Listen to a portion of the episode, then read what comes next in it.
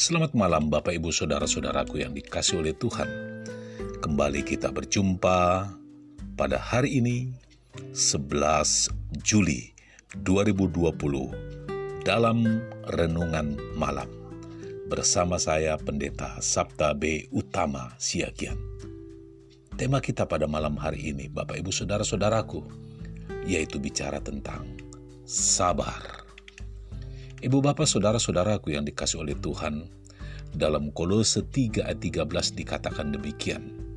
Sabarlah kamu seorang terhadap yang lain, dan ampunilah seorang akan yang lain, apabila yang seorang menaruh dendam terhadap yang lain.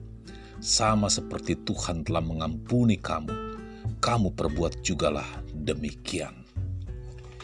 Ibu bapak, saudara-saudaraku yang dikasih oleh Tuhan, seorang bapak sudah dikuasai oleh kemarahan, berkata-kata dengan nada keras.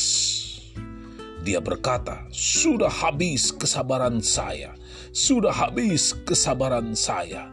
Ini suatu sikap keterlaluan."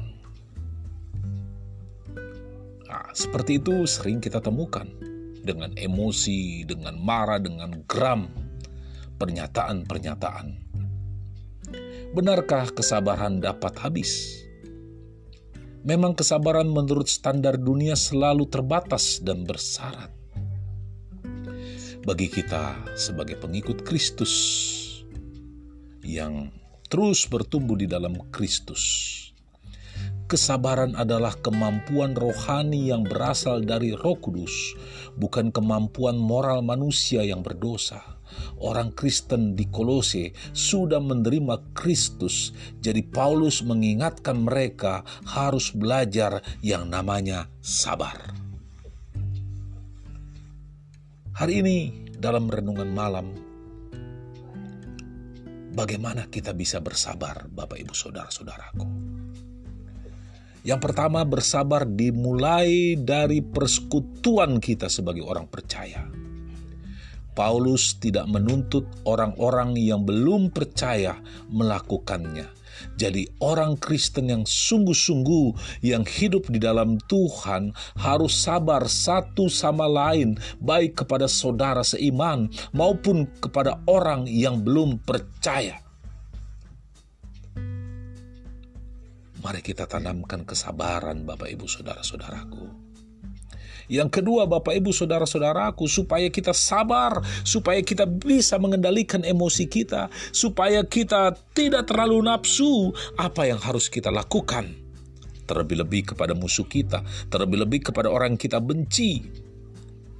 Yaitu yang kedua adalah belajar mengampuni. Ini adalah bukti kesabaran Orang yang bisa mengampuni hanya orang yang sabar.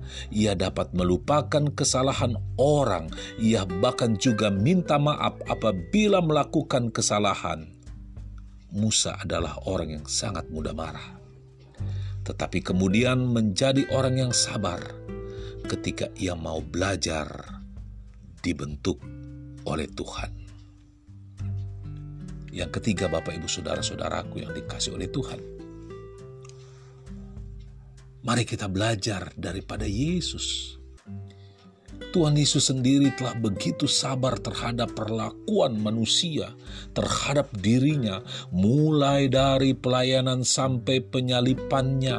Apa yang terjadi seandainya Yesus setuju pada sikap Yakobus dan Yohanes agar orang Samaria dihukum ibu bapak, saudara-saudaraku. Standar kesabaran hanya ada pada dia. Semua orang yang telah dibaharui selalu melihat contoh pada Yesus. Saudaraku, ingatlah, kita semua akan meninggalkan dunia ini. Sabarlah dalam dunia yang hanya sementara ini. Bersabarlah kepada siapa pun dan dalam keadaan apa pun dengan mengandalkan kuasa Roh Kudus. Sulit, namun pasti dapat belajar melakukannya. Selamat malam Bapak Ibu Saudara-saudaraku. Mari kita punya sikap sabar. Shalom.